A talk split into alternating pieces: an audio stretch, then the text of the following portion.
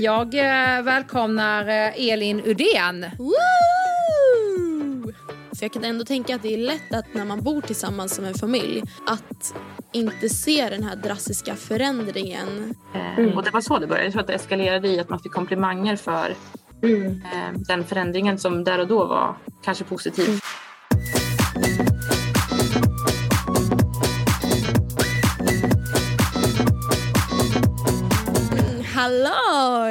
Hur mår Hur du? kommer det sig att det alltid är teknikstrul när vi ska göra någonting? Jag var helt kittad och klar. Jag har suttit här i flera minuter. Ja, okej, okay, det var teknikstrul för mig. Nej, men jag, jag, så, jag är så stressad. Det roligaste av allt är att eh, här framför mig så sitter Laban i soffan och sitter och flinar ja. åt att jag, jag blir ju så arg. Ja. Jag bara helvete det funkar inte, hatar detta. Och uh, ja, ja men vad bra, ja, vad bra det var. Laban. Ja, fina Laban. Ja, vad han får stå ja, ut med. Det är alltså faktiskt rätt mycket. um, du, uh, hur mår du? Jag mår väldigt bra.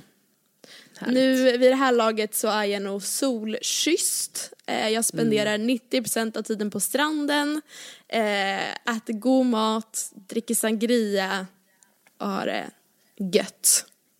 Det är sjukt att vi, det här avsnittet, alltså nu när vi mm. spelar in det här, det är tre veckor framåt i eh, i, liksom, i livet. Så det känns lite ja. som att vi, vi, vi, är time travelers nu. För att vi ska liksom prata som att det här är vecka, vad blir det, vecka 30 va?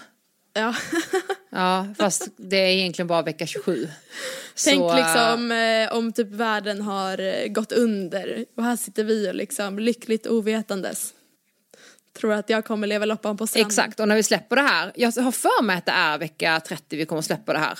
Eller nej, mm. imorgon, nästa vecka, ja det blir ju den 27 har jag mm. för mig. Ja, Då är jag ju ja då är jag ju, antingen är jag på väg upp till Åre eller så är jag i Åre. Men eh, jag tänker att vi kommer ta en, eh, en recap i nästa avsnitt eh, om allting. Ja, det blir ju finalavsnittet. Ja, finalavsnittet, exakt. Då tar vi en riktigt bra recap. Ja. På livet. Du, eh, och där är det också så här, vill vi att det ska vara ett finalavsnitt? Nej men det är upp till er. Ja, som verkligen. lyssnar. Verkligen.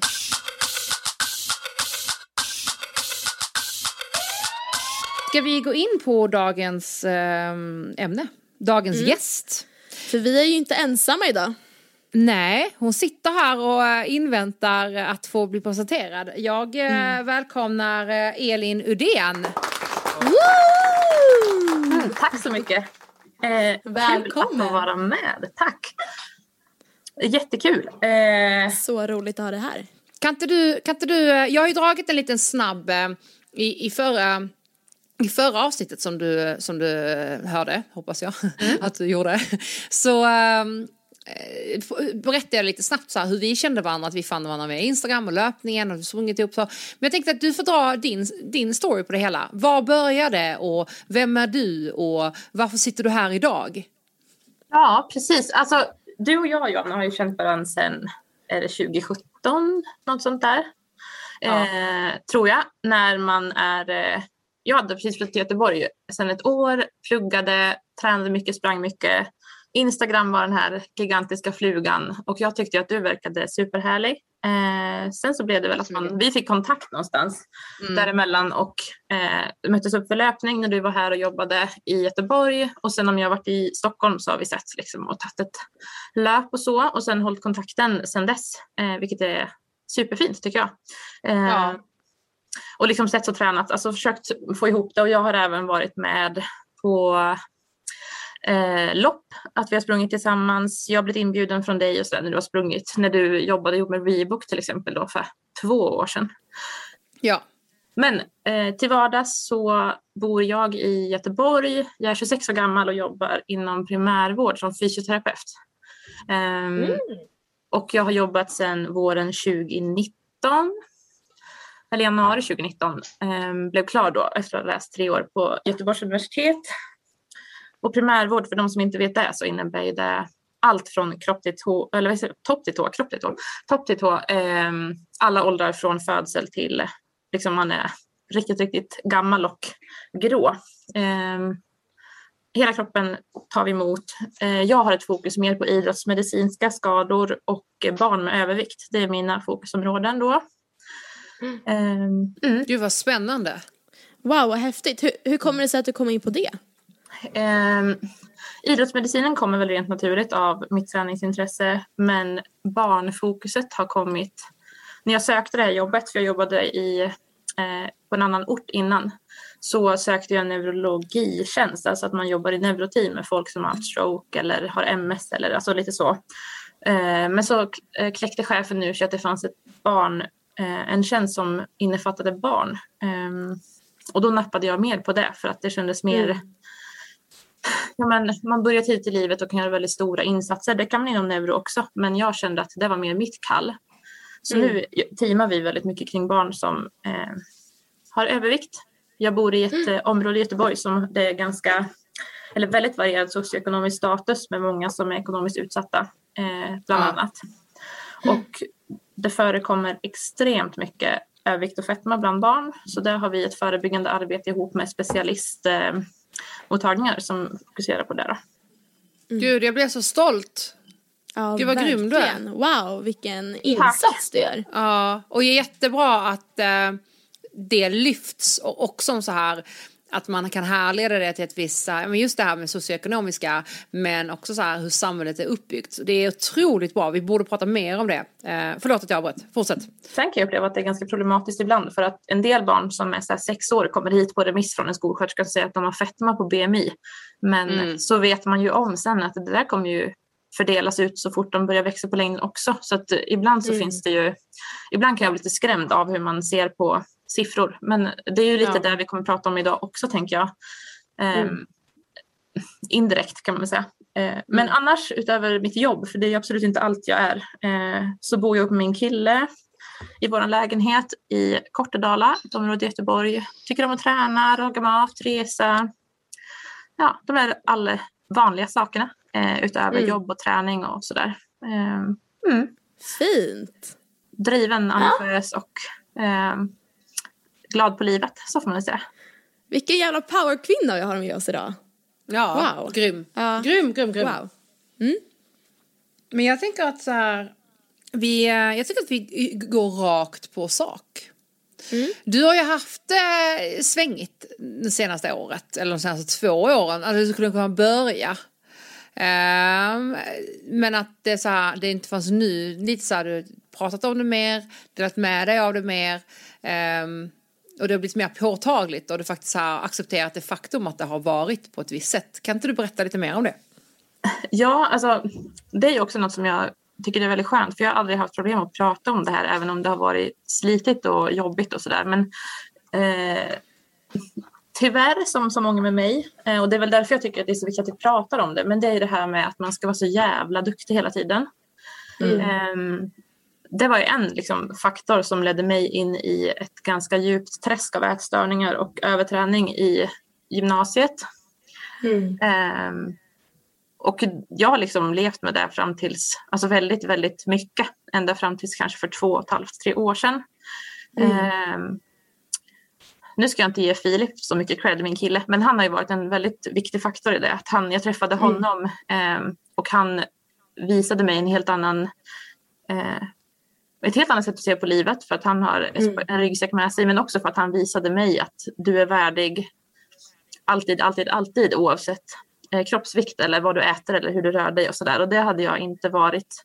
Jag var i en destruktiv relation innan där det var precis tvärtom, att man var väldigt eh, definierad för utifrån sin träningsvana och hur man skulle se ut och hela den biten. Men mm. sen grundade det sig väldigt, väldigt långt bak då. Men jag har ju tampats med det här sen jag var ungefär 16 år och det är väl kanske först i år som jag kan ändå säga så att jag är fri från det där. 99 procent. Um, Skönt. Grattis. Tack. Wow. Stort. Men sen har det varit väldigt mycket annat. Alltså så här, för stora förändringar i livet um, som har tagit mig dit jag är nu. Att jag bland annat då mm. förra hösten uh, kom hem från en semestervecka i Spanien i eh, min killes familjs sommarhus. Eh, mm. Började jobba, kom tillbaka och kroppen bara sa tvärstopp. Mm. Jag eh, fick symptom på gallsten vad jag trodde att det var. Och sen så mm. blev jag väl undersökt och de letade efter alla typer av fel man kunde hitta. Jag var tillbaka på jobbet, sen var jag borta en vecka så var jag hemma igen. Mm. Kan inte du berätta lite mer om, mer om hur det kändes att ta stopp? För det här har vi pratat om tidigare men även fått mycket, mycket frågor på eh, mm. kring så här eh, men hur kroppen, hur kroppen reagerar och vilka signaler och symptom man har. Vad är mm. varningssignalerna? Alltså... Jag har också en take på det sen men du får berätta först Elin. Mm. Mm. Nej men alltså jag skrev ju till dig eller vi kom ju i, liksom, pratade om det här efter att ni hade haft Caroline hos er. Eh, om snack om kroppen och energibehov och så, då så sa jag liksom att vi måste prata mer om konsekvenserna av eh, det som man idag Energi. kan definiera som REDS, alltså Relative ja. Energy Deficiency Syndrome heter det ju. Det är ju liksom låg ja. energitillgänglighet och överträning. Och det är Exakt. det som har tagit mig till stor del dit jag hamnade i höstas när jag blev sjukskriven med utmattningssyndrom. Eh, mm. För att jag har aldrig vilat. Alltså sen jag varit 16 år så har jag inte vilat eh, mer än någon dag. Mm. Vilket är helt orimligt nu när jag har eh, en sjukskrivning i bagaget. Men att man inte ser det på det sättet som man borde se det på. Och det är ingen som säger, nu ska jag inte säga det, jag har haft jättemånga i min närhet som har sagt att hallå du borde nog sakta ner. Men jag har ju tyckt att allt har varit så himla kul. Det har gått bra, jag har mått bra. Men sen så säger det ju stopp och kroppen är ju världens bästa verktyg och apparat liksom, mm. för att säga ifrån. Mm. Eh, så för mig började det med magsmärtor eh, som inte var någonting. Jag trodde verkligen att det varit gallsten och jag blev väl undersökt för att min pappa gick bort i pankreascancer för snart fyra år sedan. Så de ville liksom checka mig så att det inte var något sånt som bråkade då. Eh, mm. Pankreascancer är bukspottkörtelcancer. Det är en anatomisk term. Men eh, de hittade ingenting. Och sen så började mm. minnet svikta, närvaro svikta, energin var dålig. Jag hade haft ett år innan där jag liksom hade gråtit konstant. Alltså det var väldigt, eh, väldigt bräckligt innan allt det här kom. Mm. Och hur gick tankarna då när, när du ett år tidigare började känna av lite grann? Så här? Nej men jag var liksom så här, nej men alla har det jobbigt. Ibland så är det så här, mm. man, eh, så är det. Och vi hade gått mm. igenom ganska mycket privat, eh, hänt väldigt, väldigt mycket tunga saker jag, för mig och min sambo. Mm. Eh, ingenting som hade drabbat oss två men i, alltså familjärt. Då. Eh, mm. Och det var som att här, min kropp sa att liksom, det är handbroms nu men jag nekade och tänkte liksom att mm. ja, men det är jobbigt nu, det går över. Eh, mm. Men sen så krävdes det ju bara lite semester ärligt talat och kroppen fick tid att känna efter utan att jag gjorde det rent kognitivt eller medvetet. Då. Mm. mm. Så sa min läkare att det här är psykosomatik din, eh, utifrån vad du berättar att du har gått igenom sedan du var ganska ung så mm. är det helt otroligt att du inte har kommit hit tidigare. Eh, så min kropp sa tvärstopp och jag blev sjukskriven på heltid och började jobba igen i januari, februari, skiftet här nu i, i år. Eh, så jag är inte ens tillbaka på heltid än utan jobbar 75 procent och mm. kommer ha semester nästa vecka och sen några veckors jobb och sen längre semester efter det. Eh, och sen i mm. höst är det 100 procent som gäller för mig. Hur känner du inför det? Nu känns det jättebra. Alltså det har varit en, kanske så här, tyvärr, en ganska mycket rostans att komma tillbaka till jobbet för att jag har inte vantrivts på jobbet. Utan jag har inte blivit sjukskriven av jobbet. Utan jobbet Nej. är en del av livet. Men det är inte det som har fått mig eh, att då diagnostiseras med utmattning. Hur, hur har responsen varit på jobbet? Har du kunnat vara ärlig om vad som har hänt? Helt fantastisk. Alltså, mm. ja, helt fantastisk. Det, liksom, det behövs inte så mycket mer. Det sammanfattar det väldigt, väldigt bra. Eh, mm. mm. Inget, inget konstigt alls. Liksom.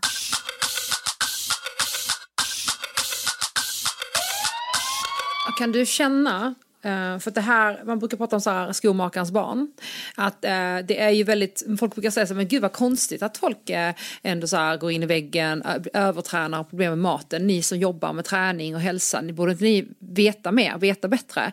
Men det är ju tvärtom, det är ju framförallt vanligt Alltså det, jag vill inte säga vanligast, men det är väldigt vanligt hos oss som jobbar med träning också att, att, att vara där. Skulle du, kunna, skulle du vilja säga eh, att du någonstans kände så här, men gud, jag jag är inte i riskzonen eller jag är inte på väg att trilla dit eller jag mår bra för jag jobbar ändå med det här och jag vet ju vad man ska göra, det drabbar inte mig. jag tror väl att det är en, liksom en, en generell genomgående känsla hos många som är så här 15 till 25. Att Mm. Man tror att livet pikar nu eh, och sen så är man, ja, men man är odödlig eh, och Ja. Mm. klarar allt. Och sen så tror jag också att man blir väldigt, väldigt van med eh, det livet man lever. Att man, det blir liksom precis som att man borstar tänderna varje dag. Så, Det blir en rutin. ja, Ja. Precis, det blir som ett Tetris eh, på rutin i kalendern och man eh, ger råd till andra om att här, men var noga nu med att du går och lägger dig i tid så att du får sova ordentligt. Och, eh, att du äter bra när du har tränat till exempel. Eller att du Mm. är noga med att så här, maten är inte så noga för du rör dig så mycket. Och sen så när man ser tillbaka eller kan liksom gå in i sig själv nu när man har... Jag tror så här om man ska istället, om man vänder på det. Jag hade nog inte reagerat om jag inte hade blivit sjukskriven och om jag inte hade blivit skadad. Nej. Du fick en stressfaktur va? De vet Nej, inte vad det är. jo. Men eh, jag fick ju plötsligt alltså, extrem knäsmärta när jag var ute och sprang dagen efter ett lopp när jag skulle liksom där återhämtningsjogga. Mm. Eh, Mm. jag, och sen dess, alltså det är ju september 2000, ja, 2019 tror jag. Mm. Ja, det stämmer. Mm. Ehm, det var ett event med mitt gamla jobb där vi höll i, det var liksom olika lopp på den orten jag jobbade och sen så tänkte jag att ja, men jag kan springa milen där på kvällen. Det blir ett, gött härligt avslut på dagen. Ehm, och sen dagen efter skulle jag återhämtningssläpa och känna på kroppen lite och sådär för det hade gått så bra dagen innan. I efterhand jättekorkat kanske men jag tror att det hade inte spelat så stor roll om jag gjorde det. Men, eh, och det bara small och jag kunde inte stödja på mitt ben. Nej. Eh, och sen Nej. har jag gått, gjort rehab, eh, också gått till en fysioterapeut för att man ska inte behandla sig själv. Nej. Eh, Nej. även om jag har erfarenhet och kunskap. Liksom. Eh, hittar ingenting. Det kan inte provoceras förrän efter en stund. Har gjort eh, både MR och ultraljud och de hittade, de hittade att det liksom är svullet bakom min knäskål. Och där finns det, vill man kalla det en buscha eller en fettkudde, alltså någon, någon Mm. form av dämpningsstruktur som förtjockas och det tror de orsakar smärtan. Men än idag så kan jag inte, jag kan inte springa mer än så här 25-30 minuter. Eh, så jag har ju sprungit, alltså den distansen jag har sprungit de senaste två åren är ju sånt som jag sprang på en månad annars. Eh, Mm. så att jag tänker att med tanke på vad ni pratade om med Caroline och hon var så noga med liksom att ni måste äta mat och även det, ni pratar ju också om det och skriver om det och öppnar med att så här förmedla att det är så himla viktigt att äta mat. Så tänker jag att det kan vara en ganska bra reklampelare för hur det kan gå om man inte gör det. Eh, Ja. Mm. Och att jag också har min eh, utbildning i ryggen med. Mm. Eh, Mm. Ja men det här att våga vila när kroppen säger att den ska vila för att annars blir det som det har hänt med dig nu. Nu kan ju du inte springa mer än 25-30 minuter. Så här Mm. med facit i hand så skulle väl du alla dagar i veckan nu gå tillbaka och vila de dagarna du skulle liksom för att inte ha det här nu. Precis. Alltså så är det ju. Och man, det finns så mycket som jag hade behövt göra an, så mycket annorlunda nu när jag kollar tillbaks på det. Eh, Mm. Jag tänker på det här med maten. Mm. Var det någonstans, alltså var fanns det ett skifte där det började bli medvetet att du kattade ner eller plockade bort? För många gånger när jag har pratat med vissa, eh, med PT-kunder med varandra så är det så här, nej men det började med att så här, men jag hann inte eller jag Eh, ja, det, ja, men det blev det, jag tog bort det men jag tog det eller jag hade läst någonstans om att det här är mycket bättre. Och sen någonstans så blev det ett skifte att jag aktivt började välja bort, att jag aktivt började eh, vända på förpackningen och läsa in, alltså förstår du, förstår du vad jag menar? Precis. Alltså, jag kan ju med fast i hand säga att jag, liksom kan, jag kan ju kalorimängd per 100 gram på alldeles för många livsmedel. Eh, för att jag har lärt mig det.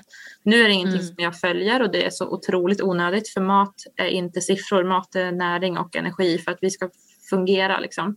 Eh, Men det här har jag ju, alltså jag började ju begränsa mig när jag var 16. Eh, Minns du hur vad det var som triggade igång det eller? Det är svårt att säga. Jättesvårt, men för mig, jag tror verkligen att det handlar om någon form av kontroll. Eh, Mm. Jag gick gymnasiet, skulle prestera på väldigt hög nivå, ville liksom gå ut med toppbetyg och samtidigt så var jag och jobbade. Eh, mellanbarn med syskon, äldre och yngre. Alltså det var Mm. mycket göra rätt för sig hela tiden. Ingen, Mm. ehm, det här duktig, duktig, duktig, duktig eh, på alla plan och prestera framför allt. Och då tror jag att i det så mådde jag väl inte jättebra. Utan då ville jag hitta någonting som jag kunde ha kontroll på. För skola, jobb, Mm. alltså familj och vänner och sådär, det kan man inte styra. Nej. Men det är ju väldigt lätt att plocka bort en potatis eller inte Mm. säga att man inte är så sugen på en kaka eller sådär. Mm. Eh, Och till en början så finns det ju ingen som bryr sig. Alltså det är ingen som märker det förrän man har hållit på en stund. Eh, jag vet att mina föräldrar de märkte ju inte det på några månader förrän de liksom syns, alltså det syntes på min kropp. För jag har spelat fotboll som ung. Eh, och har ju alltid varit Alltså jag, jag tycker inte om det här med att man ska beskriva hur en kropp ser ut men jag har alltid varit väldigt stark. Det är väldigt eh, välbyggd utifrån min Mm. fotbollskarriär då, eller man ska säga. Eh, och sen så vet jag att det var min bror som poängterade någon gång bara så här, Elin, men vart har dina lår tagit vägen? Jag såg ingenting. Jag tyckte att det såg exakt likadan ut. Mm. Eh, och då så kommer, man, kommer det uppmuntran om eh, att någonting har skett. Och tyvärr, nu säger jag inte att min bror tänker så, men så är, i samhället generellt så är ju liten kropp, eller har varit, eh, det som är det bra.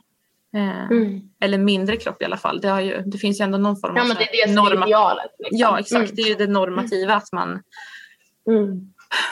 eller oskrivna regler i hur man bör se ut. För att är man Mm. en större kropp så är man tjock och ohälsosam, vilket inte alls är sant. Eh, och då triggas man ju. Får bekräftelse på Mm. att jag då ändå inte var helt nöjd med min kropp när jag var där så här 14-15 år. Eh, och sen så sa någon att den är mindre nu. Eh, Mm. Och det var så det började. Jag tror att det eskalerade i att man fick komplimanger för Mm. eh, den förändringen som där och då var kanske positiv Mm. för att jag kanske inte behövde de kilorna. Men sen när det går till en punkt att jag inte kan ehm, Alltså att mina kläder var som säckar på min kropp. Då, Mm. då började mina föräldrar reagera och skickade mig till eh, ehm, en ätstörningsklinik i Skövde, eh, nära där jag bodde. Vad bra att de ändå gjorde det eller? Ja. Det krävdes några jag- stamp i trappen och arga ord till mamma. Men nu i Ja. efterhand så vet jag att det var det bästa som kunde hända. Liksom. För jag jag kan ändå tänka att det är lätt att när man bor tillsammans som en familj att inte se den här drastiska förändringen med tanke på att man ser varandra varje dag. Det är inte så att liksom man vaknar en morgon och då är alla kilo borta utan det är ju något som händer successivt. Och då är det oftast lätt att bli medberoende när man bor tillsammans liksom. Så att det är ju väldigt bra agerat av dem då. Men jag har ju också syskon som är väldigt mycket yngre än jag. Och då så vet jag Mm. att mamma sa att så men du äter ju inte mer än vad hon gör. Eh, min ena syster Mm. då, och då vart ju hon fem år. Eh, Ja. Så det var- jag tror att det var mycket det som gjorde att mamma reagerade väldigt, väldigt starkt. Eller mamma och pappa liksom. Eh, Men där och då så när jag kom till den här behandlaren då så fick jag inte komma in till för att jag hade ett BMI som inte var undervikt. Det där är så sjukt. Det är så jävla sjukt. Jag är så trött på att vi, allt, att vi fortfarande mäter saker och ting i BMI. Det var ingen som frågade mig hur mår du? Nej. De frågade Ah. mig om jag kunde äta smörgås och om jag tyckte att det var jobbigt att äta mat. Men ingen frågade liksom vad beror det här på eller hur kan vi hjälpa dig på annat sätt. Utan de hänvisade mig till UMO och där sökte jag och då sa de att vi har ingen kompetens om det här så vi vet inte varför du har kommit hit. Nej. Alltså det är skandal. Ja, det, är så, och det finns så otroligt mycket brister. Ja. Fy fan alltså.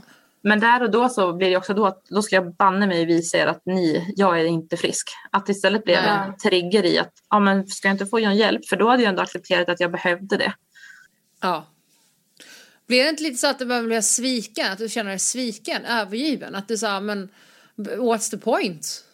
Men lite så. Och det resulterade i att jag gick ner ännu mer i vikt. Jag tränade ännu Mm. mer och jag eh, blev mycket, mycket mindre och blev ju helt håglös. Alltså jag slutade vilja Mm. vara med mina kompisar för att det kunde uppstå att man behövde äta. Eh, jag tränade en, två gånger om dagen. Alltså så det blev väldigt, väldigt skevt. Eh, Men sen är jag tacksam för att jag har så himla fina föräldrar. Eh, som verkligen, verkligen stöttade mig i allt och försökte sitt bästa. Liksom. För det finns ju de som inte har det. Nej. Och vänner också som har varit så goa. Men allt, alltså, det här var ju som värst då. Och sen så kom några, gick några år emellan och sen så flyttade jag till USA ett halvår. Eh, kom tillbaka och började plugga. Eh, och där, mellan, det glappet mellan eh, min USA-vistelse där på ett halvår och innan jag började plugga där så vet jag också att det var, en, då jobbade jag jättemycket extra på ICA Och jag minns så väl en, en dag där jag liksom bröt ihop i diskrummet i delikatessen där jag jobbade. För jag var helt slut. Det fanns liksom ingenting kvar. Och då fick jag träffa en fysioterapeut.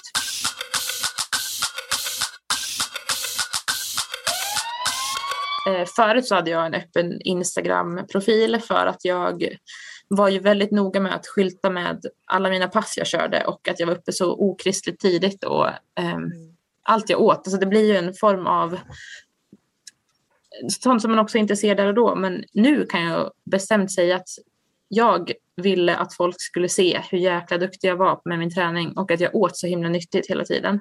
Mm. Samtidigt som jag också var öppen med att säga att jag har en kropp som inte mår så bra. Men mm.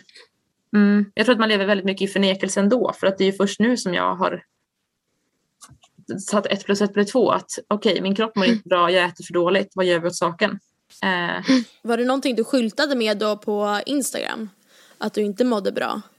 Jag skrev väl aldrig att jag mår skitdåligt, men eller mer att så här, okej, okay, men eh, om jag hade varit, jag har sökt hjälp själv, alltså skickat remiss till en ätstörningsklinik så, där, så fick mm. jag extremt dåligt bemötande för att jag skäms inte ett dugg för att säga att ätstörningsvården i Sverige är katastrofalt dålig. Mm. Eh, man glömmer liksom bort att det är en psykisk åkomma också. Många är så här, men om du bara äter lite mer så blir det bra. Men det är ju oftast inte maten i sig som är problemet utan det är tankarna kring maten som orsakar att du mm. inte äter. Eller Exakt. styr upp eller din mat eller alltså sådär. Eller mm. att du äter jättemycket för att många, idag är det också lite så här att man kan ha en ätstörning även om man inte är underviktig.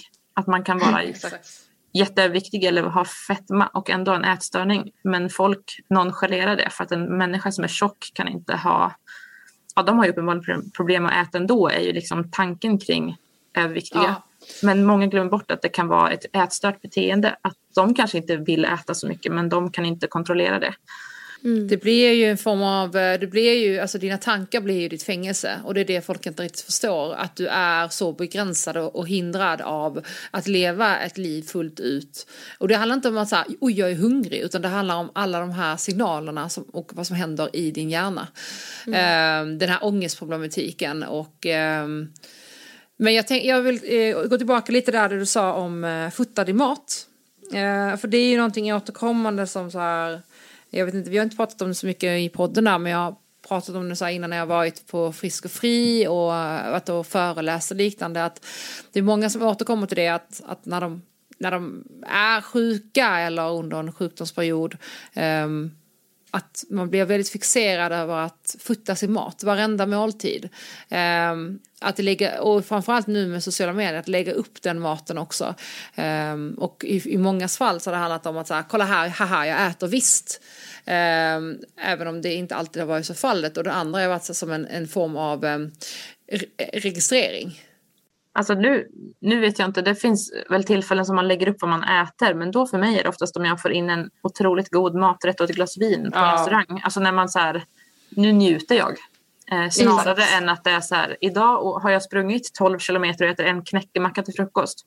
Eh, mm. För det var ju ofta så det såg ut, att man liksom hade kört långpass en söndag och sen så kan jag gå tillbaka. För jag gick tillbaka lite nu inför det här för att se hur det såg ut förut för att liksom minnas lite mer. Att jag ser mm. så att en söndag efter 15 kilometer broarna runt i Göteborg så åt jag två knäckebröd. Ja. Det är inte hållbart, det är helt sjukt. Otroligt orimligt liksom. Hur, hur mådde du? Alltså rent, alltså, för nu, jag återgår ju helt till mig själv när jag, ja men till exempel när jag var med i Robinson och inte hade mat i kroppen. Alltså dels hur jag mådde psykiskt men också så här att bara prata med folk ibland var ju så jävla jobbigt för det tog energi och jag pallade inte. Och då att dessutom så här jag har kört 15 kilometer broarna. Vi har ju, du och jag har ju kört den rundan. Så att jag vet ju exakt vad det är typ för runda. Eh, att, och då bara äta två knäckebröd. Hur, hur orkade du? Det gjorde jag inte. Men jag har inte fått betala för det förrän senare.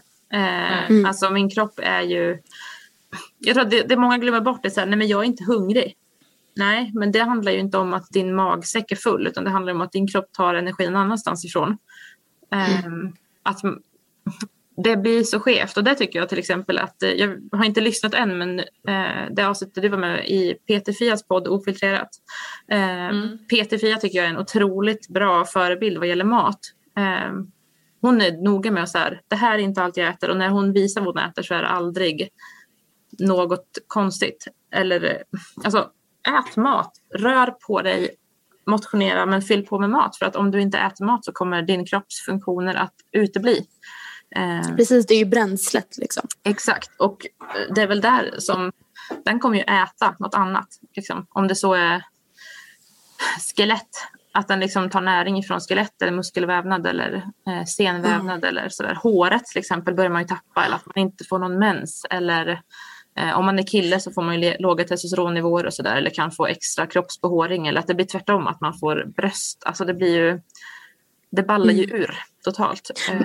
mm. Vad var det för liksom, mer fysiska symptom som du märkte av? Alltså både till en början, sen till att det blev den här knäskadan? Eh, ja, men jag hade ju inte mens från att jag var 17 tills jag var 23. Mm. Eh, överhuvudtaget liksom. Mm. mm. Jag tappade ju jättemycket hår. Eh, man blir grå och dassig i, i hyn. Alltså mm. allt sånt. Tappa lyster liksom. Precis, alltså ögon som om man kollar på bilder nu som någon annan har tagit på mig så ser man ju att det finns inget liv överhuvudtaget i den här kroppen. Ögonen är, mm. det är som två så blanka papper bara. Mm. Man blir ju ganska opersonlig, eller man förlorar ju väldigt stor del av sin personlighet. Um, mm. För att man kan inte tänka på någonting annat än nästa måltid nästa träningspass. Mm.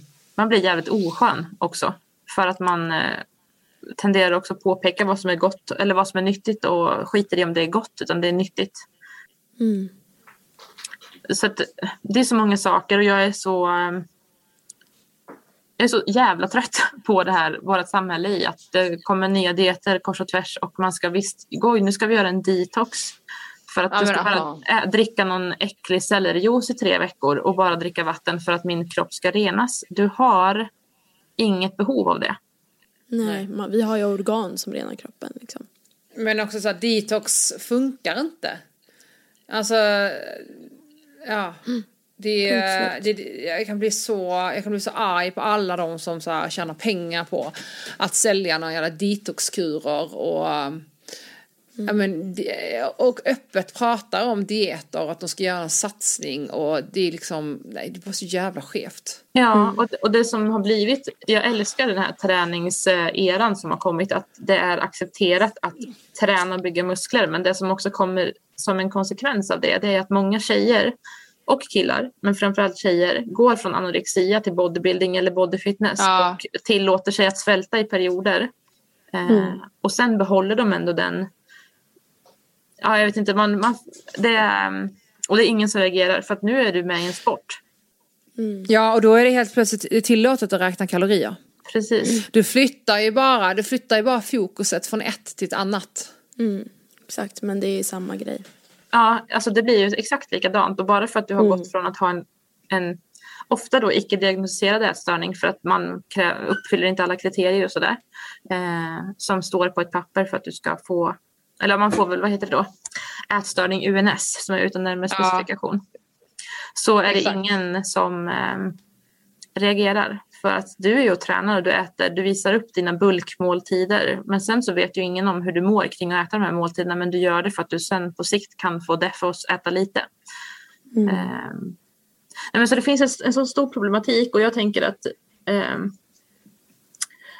det är så otroligt viktigt att belysa det för att jag vet att både, alltså båda ni två har ju många alltså, lyssnare som är unga som inte kanske har eh, insikt i det här eller har erfarenhet av livet i stort än. Eh, och mm. man, jag tänker att man kan nå ut till så många genom att bara lyfta den. Det är inte farligt att säga till någon att du, jag tycker att det är ganska jobbigt att äta mat.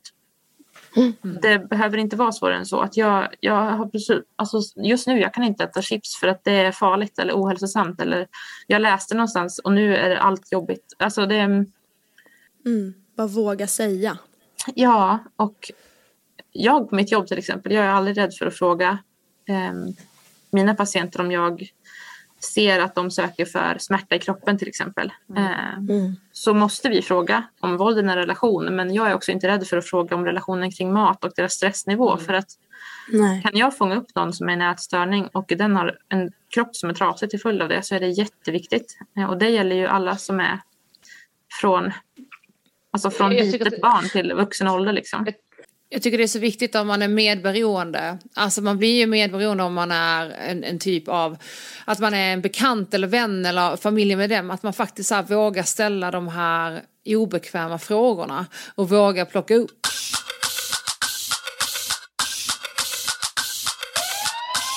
Men hur ska man till exempel göra då om man är som kompis och märker att ja, men ens vän nu börjar träna mycket eller inte äter någonting och så frågar man och så blir man bara liksom eh, avvisad liksom. Eh, för det kan ju vara lätt att så här, eh, när man väl har en ätstörning att man inte vill bli påkommen och eh, liksom bara skyfflar det under mattan bara för att det är ju ens hjärnspöken som fortfarande vill bibehålla det här. Precis, och, och där tror jag att det är så viktigt att man ändå ska våga för att den här personen kanske då till en början blir ledsen eller arg eller frågande kring för att den själv kanske inte vet eller förstår eller har insikt i vad som händer. Eh, men det kommer alltid följas av tacksamhet sen för att någon såg dig. Det var någon som såg mer än vad någon annan gjorde och noterade att du, jag bryr mig om dig och jag undrar hur du mår. Och man behöver inte fråga, har du svårt att äta mat eller tycker du att det är jobbigt att du måste träna hela tiden? Man kan fråga, hur mår du? Och jag vill att du ska veta att jag lyssnar. När du, om du vill berätta så kommer jag att lyssna. Det är ingenting jag frågar bara för att fråga. För det gör man ju för att vara artig idag. Att fråga så här, hur är det om man svarar på automatik. Jo men tack det är bra. Och sen så, Men är det inget mer med det? nej, precis. Nej men jag att verkligen så här, du vet om att så här, du kan prata med mig. Att så här, verkligen trycka på det att du, du kan prata med mig. Jag finns här. Ehm, för att, ja, nej, det är så otroligt viktigt att man faktiskt så här, nej, men det, det tar fem sekunder. Och bara så här, men du, ärligt talat nu. Är det någonting du vill prata om så finns jag här. Ehm, Och det, också, det måste inte vara en nära vän eller en förälder utan det kan vara en kollega eller en klass. Alltså en, Det kan vara en mentor i skolan eller en, en lärare på fritids om man är liten.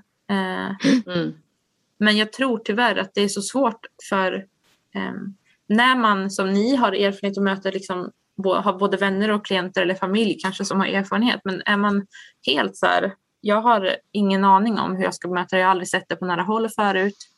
Eh, så är det extremt svårt att fråga för man vill trampa någon på tårna.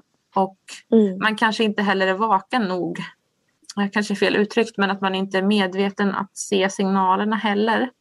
För mig är det extremt lätt att notera att okej, okej, men du, mm, jag ser dig åtta timmar om dagen på jobbet. Jag vet om, till exempel om det skulle vara en kollega, så vet jag om att jaha, mm, nu vet jag hur du käkar ungefär varje vardag.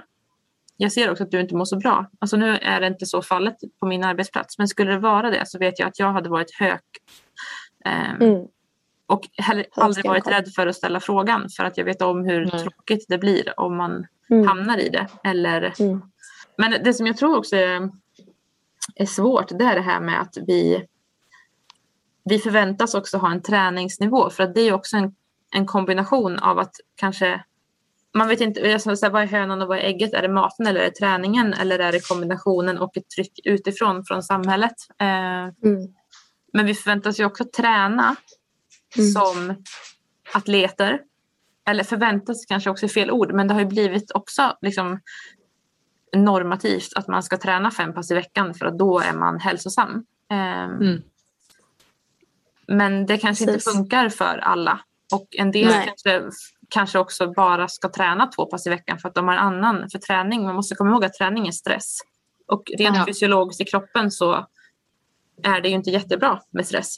Eh, För kombinationen av väldigt mycket träning, livsstress, alltså man kan ju ha en komplicerad relation till en förälder eller till ha ett dåligt förhållande med en partner eller ha ett stressigt jobb där man vill prestera. Och sen ska man också träna högintensiv träning fem pass i veckan och så kanske man inte sover eller äter ordentligt. Det är, Mm, man märker det inte direkt men du betalar en väldigt, väldigt hög kostnad. Eh, Mm. Så att jag tror egentligen att det behöver ske någon form av rockad i vår samhällsbild för att vi ska kunna motverka det här. Eh, Verkligen. Men det är också, jag vill också poängtera att även om, det är någon som lyssnar nu och tänker att helvete vad svårt det ska vara. Jag kommer ingenstans, jag vet inte vart jag ska vända mig och jag kommer aldrig någonsin komma härifrån så vill jag bara liksom säga att det går. Det Mm. är inte omöjligt. Det går att be om hjälp även om hjälpen är svår att få eller att man känner sig oförstådd. Men Mm. hör av er som du sa Johanna att du har haft kontakt med Frisk och Fri. De är helt underbara. Ja, de är så bra. Så bra. Och, och att man... Jag vill ändå säga att det går. För jag har ju Mm. klarat av det utan att få någon som helst medicinsk professionell hjälp. För att Mm.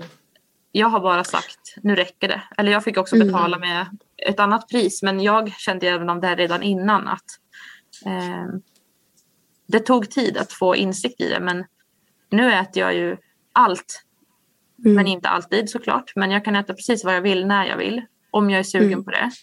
Och jag tränar lagom. Inte Mm. alls på samma sätt som förut. Vilket jag kan ibland tycka är jättejobbigt. Att så här, nej men jag, alltså det kommer ibland. Man kommer bli påmind om Ja. det. Att, nej men jag har inte Mm. sprungit en och en halv mil så jag kan inte äta godis. Jo, det är klart som fan du kan äta godis. För din kropp Mm. kommer kräva energi i alla fall. Och Mm. du gör ju andra saker som kostar. Och ehm, Ja, och också så här, vi ska ju hela tiden återgå till det att vi tränar ju inte eh, för att få lov att äta vissa saker. Så det här kompensationstänket. ehm, Alltså försöka tänka av från det. Oavsett hur jobbigt det är så försök bara tänka att jag kompensa- kompensationstränar inte för det är inte mitt varför och det är inte varför jag tränar. Nej.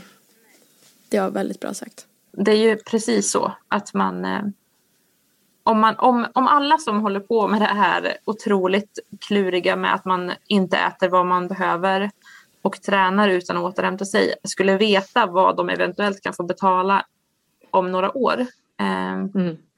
så skulle alla sluta. Mm. Ja. Men det är liksom lätt att fastna i det när man inte känner av konsekvenserna. Mm. Jag har ju till exempel låg bentäthet i mitt bäcken. eh, Ja. Som troligtvis är en konsekvens av att jag har brutit ner min kropp. Och Ja. eh, det innebär ju då att jag kan riskera att jag har ökad risk för, nu är det väldigt, nu är det inte såna, några extrema nivåer, men det skulle potentiellt kunna öka risken för att jag får en bäckenfraktur och det är absolut ingenting jag vill ha. Hur funkar det om, ni, om du någon gång, alltså om du nu vill, alltså så här, ponera att du skulle skaffa barn? Eh, alltså det här är ingenting som jag, det här fick jag till mig när jag var med på en, eh, jag var med i en studie med DEXA-mätning och då fick jag bara till mig att okej det är lite lågt i bäckenregionen. Eh, Okej. Jag tror inte att det är medicinskt påverkbart för jag känner ju inte av det. Eh, och jag har ju generellt god och förhoppningsvis, det här är ju en fyra år sedan så har jag ju ändå kunnat bygga upp. Eh, man har ju Ja. några år till, på sig upp till typ 26, 25, 27 tror jag innan det slutar byggas på. Mm. Eh, Så förhoppningsvis har jag ändå lyckats laga det som är skadat om man ska säga så. Det här skulle jag kunna prata om i hur länge som helst. Nej men det är som du säger, som du sa i början, att det är så viktigt att prata om. Eh, just för att det för många kan vara ett väldigt, väldigt jobbigt ämne. Både som närstående och när man själv lider av det bara för att det blir som ett slags tunnelseende. Att man bara fortsätter liksom i all oändlighet. Eh, och att man som vän kanske inte vågar fråga hur det är bara för att man är rädd för att bli avvisad eller att den kompisen eller familjemedlemmen ska bli sur på en eller vad det nu kan vara. Så att det är jätte, jätteviktigt att du liksom berättar om din erfarenhet och vad som hjälpte dig och um, vad som faktiskt händer om man inte lyssnar på kroppen. Alltså, och, och där tror jag att det är så här, man kan alltid be någon om hjälp men i slutändan så handlar det om att du ska vara villig att ändra på någonting. M- För att stöttningen kan man få utifrån eller att någon säger åt liksom en person att okej men du måste ändra på det här. Men det handlar också väldigt mycket om att man ska vilja. Eh, Ja. För att utan någon form av drivkraft i att livet är inte värt att vara så här utan det kan vara så mycket roligare. Utan den liksom, glöden så kommer det också vara väldigt, väldigt svårt. Och det kommer krävas, det kommer ta mer tid och det kommer krävas mer stöttning. I mitt fall så tror jag att det är liksom pusselbitar i livet generellt som har gjort att så här, okej, livet kan vara så otroligt kort. Eh, Jag tänker inte slösa bort det på att inte kunna äta vad jag vill eller göra vad jag vill. Och jag har ju inte mått så här bra som jag mår nu på, ja det är typ sedan jag var 16. Alltså jag mm. pikar ju nu. Det har tagit, mm. det har varit många uppförsbackar och eh, lite medgång men det har ju också krävt eh, tid och mm. väldigt, väldigt mycket inre arbete. Man kan alltid mm eh, lägga ansvaret på en, någon i vården eller en, eh, en familjemedlem som ska hjälpa till att stötta men det kräver också så mycket av en själv. Och, ja. Det är ju svårt att hjälpa någon som inte vill bli hjälpt. Nej. Och någonstans i slutändan så handlar det om så här, ett ansvar mot sig själv också. Mm. Mm. Um, och det ja, jag, alltså jag är så otroligt glad över att du ville vara med uh, och mm, prata om verkligen. detta. Och att, att du är så öppen med det och att du ändå kan så reflektera om så här före, under och efter. Det är otroligt eh, starkt och fint av dig. Mm. Ja, tack snälla. Um, men, men jag tror så här också att man, man kommer till en punkt där man um, antingen så är det så här, nej det räcker nu. Jag tror att det var mm. den punkten jag kom till, att så här, nu får det fan för mig vara nog. Mm. För att jag har lagt så mycket tid på saker som är så oviktiga. För att om man Um, om man skulle göra en liten cirkel och dela upp den i tårtbitar och så skriva ner vad tycker jag är viktigt så skulle kontrollerad mat och träning inte finnas med. Um, om man skulle få välja helt fritt då skulle det vara mycket andra saker som spelar in. Mm. Och bara liksom en sån sak att så här, jag kan göra precis allt jag vill nu utan att springa. Mm. Så har det inte varit på så länge.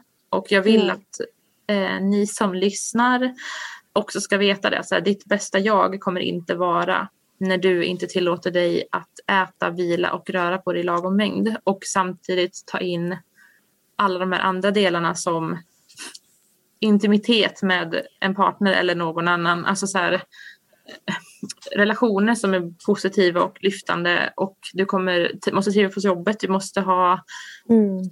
sociala, en social trygghet med människor runt dig och mm, jag tror att det är så, livet är så mycket mer och det är så mycket självkänsla som man måste bygga på. För självförtroende har nog de allra flesta ganska bra skulle jag tro. För man mm. vet vad man mm. kan. Men förlorar man sitt självvärde i det så är prestationen jäkligt oviktig. Verkligen. Verkligen. Fin. Det är verkligen som du säger.